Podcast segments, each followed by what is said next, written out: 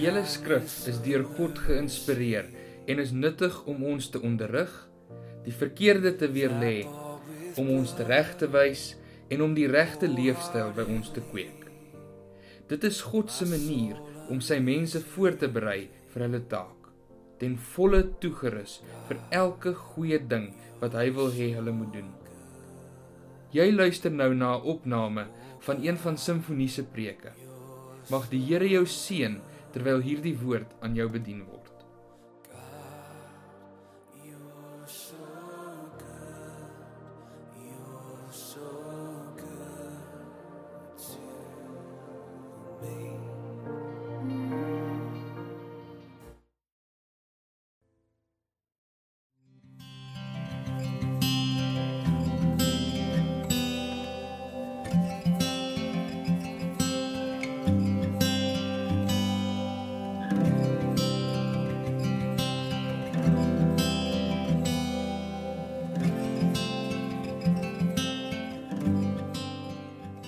Goeiedag geliefde van die Here. Genade vir jou en vrede van God ons Vader en die Here Jesus Christus. Voordat ons aangaan met die woord, kom ons bid net saam. Hemelse Vader, is vir ons 'n voorreg om die woord te kan bedien vanmôre. Here, waar ons in so moeilike tyd staan, is dit my gebed dat U elke aanhoorder sal stig deur die woord vanmôre. Here, mag so ook dat U my sal gebruik om 'n instrument in die hand te wees. Maak my sensitief vir die Heilige Gees se leiding. Dit is my gebed in Jesus naam. Amen en amen. Nou geliefde van die Here, as die Here wil, gaan die Olimpiese spele hierdie jaar plaasvind van so middel Julie af in Tokio in Japan. En dit is altyd vir my groot pret om daarna te kyk, veral na die openingsseremonie, nê? Nee?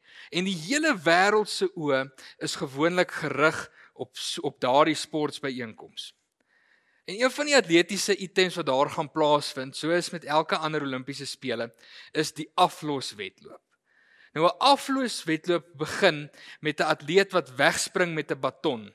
Gewoonlik 'n leë metaal of 'n houtsilinder wat dan oorhandig word by 'n sekere plek op die resiesbaan aan 'n ander atleet wat dan verder daarmee hardloop.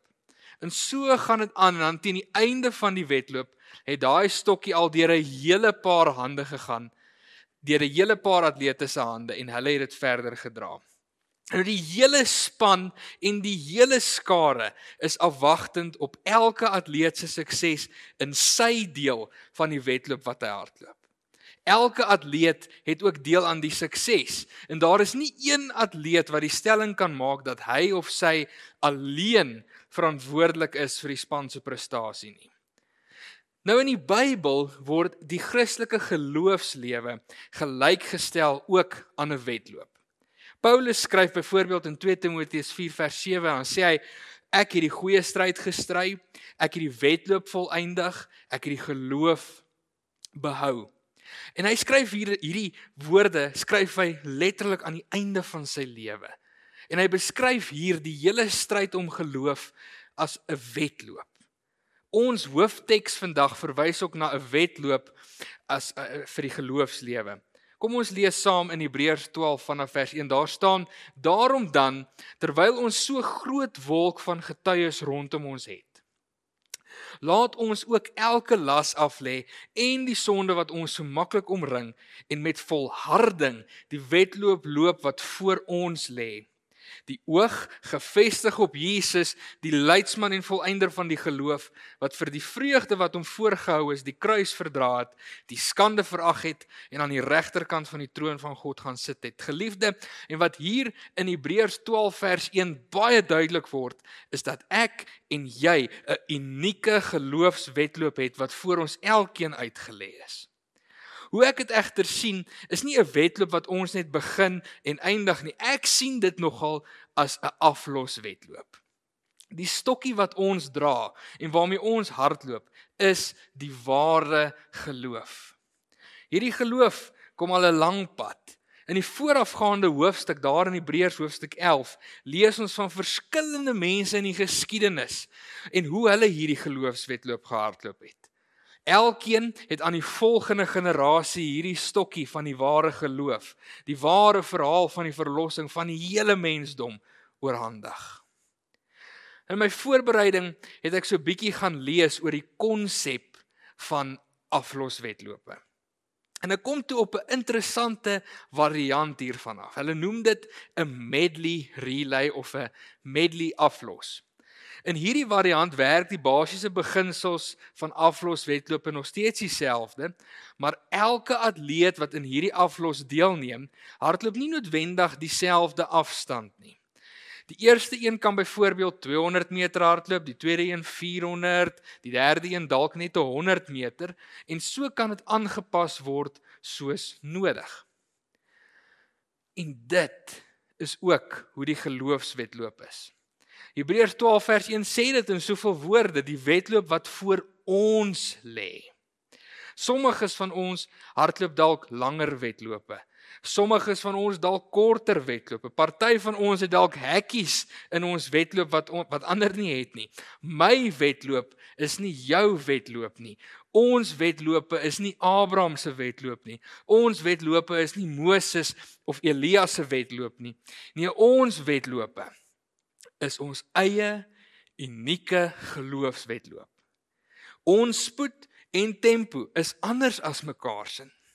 Ons vordering is anders as mekaar se. Ons afstand is anders as mekaar se. Maar hier is die kruks van die saak. Ons is nou in hierdie wedloop. Abraham, Moses, Elia en al die ander geloofshelde van wie ons lees, Hulle was in hulle leeftyd in hierdie wedloop gewikkel. Maar hier is ek en jy nou in ons wedloop. Dis 2021. Dit is ons beurt. Abraham, Moses, Elia en al die ander geloofshelde se tyd is verby. Dis nou ons beurt. Abraham moes deel met hongersnood. Moses moes deel met Farao en Egipte en die 10 pla en 'n moeilike volk en 40 jaar in die woestyn. Elia moes deel met 'n volk wat afgode wou dien en 'n vrou wat hom wou doodmaak. Maar deur al die uitdagings waarvan ons lees waardeur hulle gegaan het in die Bybel, kan ons in elkeen 'n onwrikbare geloof sien wat in ons beurt die wedloop moet aanmoedig. Dawid skryf in Psalm 27 vers 13 die volgende nadat hy in daai Psalm uitgebrei het oor hoe die Here hom in soveel uitdagings gehelp het. Hy skryf: "O, as ek nie geglo het dat ek die goedheid van die Here sou sien in die land van die lewendes nie." Is amper asof hy sê ek sou met respek mal geword het as ek nie geglo het dat die Here nie vir my goed sal wees terwyl ek nog asemhaal nie. Ek en jy het ons unieke uitdagings en ja, COVID is een van hulle, maar sommiges van ons sit dalk met werkskwessies of gesinsprobleme of geldprobleme. En partykeer as ek so luister na die beproewinge waardeur sommige van ons mense gaan, dan kan ek nie dink hoe kan iemand dit doen sonder die Here aan hulle kant nie. En daarin lê die antwoord. Dit staan ook so in Hebreërs 12 vers 2. Ons moet ons oog gefestig hou op Jesus Christus, die beginpunt en volëinder van ons geloof. Ons moet 'n vaste en 'n geankerde geloof in Jesus Christus hê om deur die lewensstorms te kan vaar. So hoe lyk hierdie geloof? Nou geloof is een van die min woorde wat net so in die Bybel gedefinieer word. Daar staan in Hebreërs 11 vers 1 dat die geloof is 'n vaste vertroue op die dinge wat ons hoop, 'n bewys van die dinge wat ons nie sien nie. Nou as ons mooi lees, word daar 'n duidelike verskil hier tussen geloof en hoop getref. Die Bybel sien geloof en hoop as twee afsonderlike konsepte. Hoop is op die toekoms gerig, maar geloof is iets wat ons hier en nou in die teenwoordige tyd reeds besit. Jy sien, ons geloof is baie keer in die hoop wat ons het, nie waar nie? Kom ek gee vir jou so 'n paar voorbeelde. Ons glo baie keer dat ons nie siek gaan word nie. Maar dis iets wat ons eers in die toekoms gaan weet. Of ons glo dat ons 'n nuwe werk gaan kry. Weereens iets wat ons eers dan gaan weet Of ons glo dat ons huwelike dit gaan maak. Weereens, eers iets wat ons in die toekoms gaan weet. Maar hoor hoe leeg klink daai geloof. Want jy glo in 'n uitkoms. Jy glo nie in God nie. Ons moet dit omswaai en vir mekaar begin sê ons glo dat die Here ons gaan veilig hou van siekte. Ons moet begin glo dat die Here vir ons op die regte tyd promosie en bevordering gaan bring. Ons moet begin glo dat die Here die spreekwoordelike gom in ons huwelike is. Maar hoe gebeur dit? Hoe kan ons hierdie geloof verkry? Dit is seker belangrik om te weet waarvoor jy moet soek. So, so hoe lyk ware geloof? Die Bybel beskryf geloof op 'n ander interessante manier geloof en hoop in 1 Tessalonisense 5 vers 8.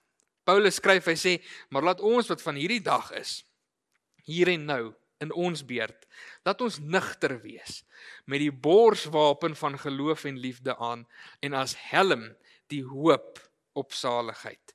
Die borswapen beskerm die borskas hier waar jou longe en jou hart is, jou binneste.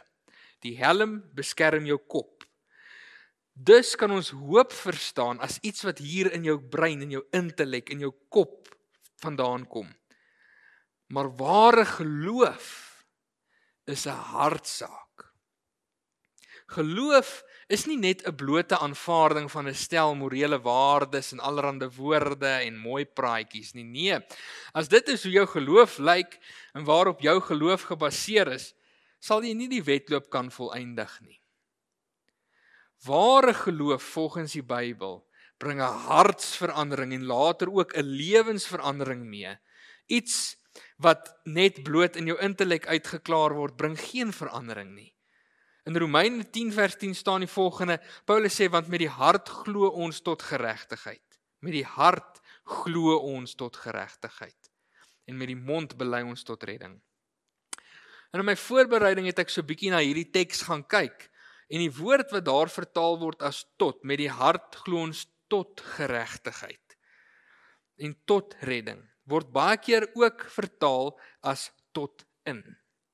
Ons kan amper lees asof hier so staan want met die hart glo ons tot in geregtigheid en met die mond bely ons tot in redding in.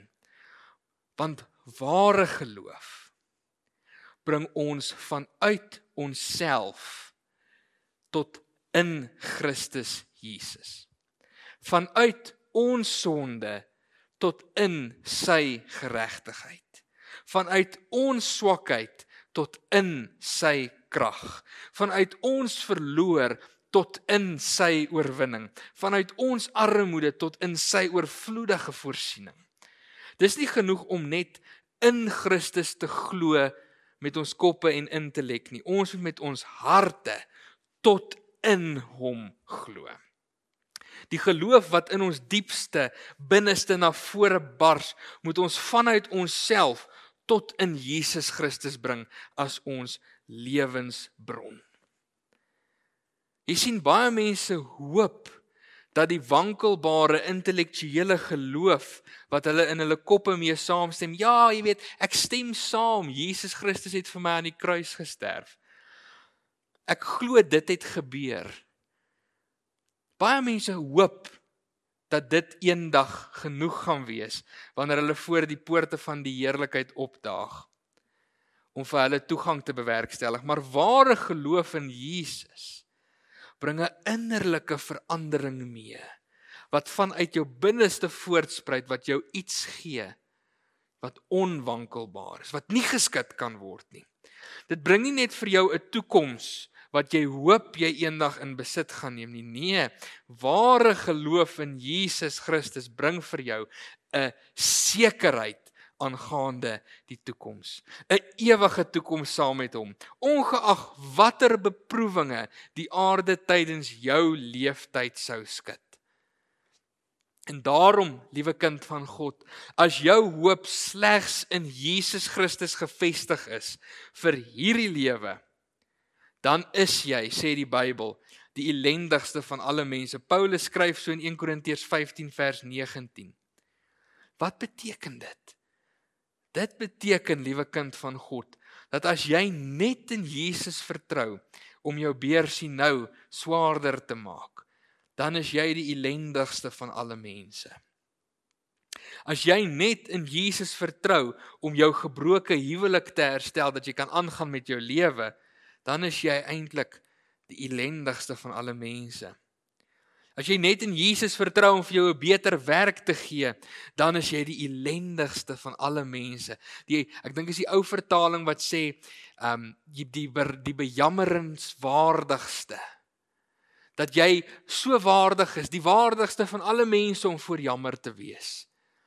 Want jy vertrou Jesus vir die verkeerde rede.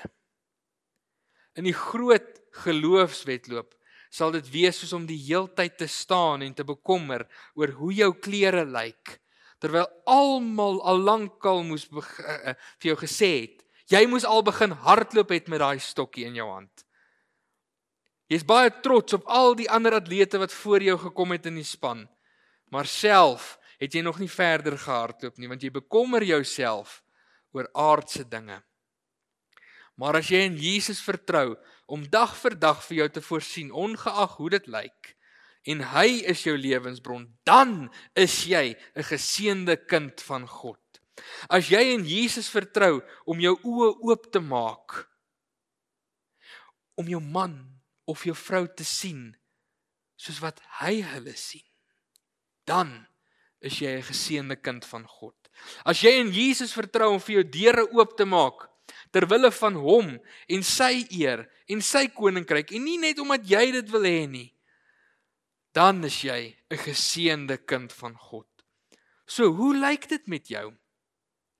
Is jou kristendom en en jou geloof, as jy dit so wil noem, gebaseer alleenlik op 'n stel leringe, op 'n stel feite wat jy net in jou kop aanvaar het en geen lewensverandering meebring in jou lewe nie? Of is jy 'n ware geloofsmens wat dag na dag na dag groei in geloof wat jou vanuit jouself tot in Jesus neem. Is jy nog besig om hierdie groot aflos wedloop van die geloof te hardloop met die oog op die persoon wat vir jou wag by die wenpaal, Jesus Christus? Of is jy besig om te bekommer hoe jou klere lyk? Het jy vergeet dat jy eintlik moet hardloop? Jy kan nie stil staan nie, liewe kind van God. Dit is nou jou beurt. Ons kan nie net die heeltyd teruggaan in die Bybel en sê, "O, oh, dit was so wonderlik gewees in Moses se dae. Dit was so wonderlik gewees in Elia se dae." En vergeet dat ons hier en nou 'n taak het om te verrig nie. Ons het hier en nou 'n lewe wat die Here nou vir ons gegee het om te leef tot sy eer. Hier en nou is die plek waar ek en jy so groot impak moet maak vir die Here. Dat die generasies wat na ons kom, die volgende stel atlete, dat hulle sal kan terugkyk en inspirasie kry uit ons verhaal. Maar hoe lyk jou lewe vandag? Is jy besig om so 'n wedloop te hardloop? Is jy? Of staan jy stil en kyk jy die heeltyd terug verwagtend dat een van jou mense sal kom om vir jou die stokkie te gee terwyl hulle al eintlik lankal verby jou is. Liewe kind van God nou is jou beurt. Nou is jou beurt. Al die ander mense in die Bybel het hulle tyd gehad Dis nou ons beurt om die Here op dieselfde en selfs nog meer te vertrou as wat hulle het. Dis nou ons beurt om so 'n onwrikbare geloof in ons harte op te wek ter wille van die Here dat ons lewens hierdie wêreld gaan verander, COVID of te nie. Kom ons bid saam. Hemelse Vader, Dankie vir die woord vandag. Dankie dat ons kan aanmoediging trek vanuit die feit dat dit nou ons beurt is. En dat ons kan weet U los ons nooit nooit nooit alleen nie. Here help ons. Help ons om om om ons harte oop te stel. Help ons om vanuit ons harte, Here, te glo. Soos wat ons nog nooit van tevore geglo het nie, Here. Help ons om te sien hoe dat U ons lewens kom lanseer, Here, vir die heerlikheid van die koninkryk van God. En help ons, Here, om 'n verskil te maak daar waar ons geplant is. Dis ons gebed in Jesus naam. Amen en amen. Geliefde van die Here, mag jy geseënd wees in hierdie week. Amen.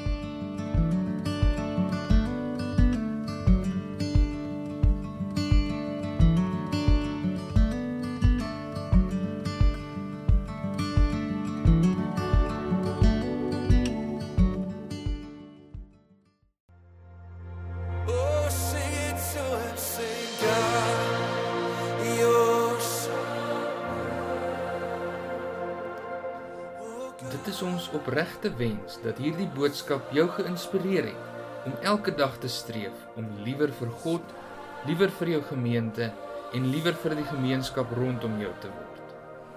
As jy meer wil uitvind oor simfonie en wat daar gebeur, besoek gerus www.simfonie.co.za. Mag die Here jou seën.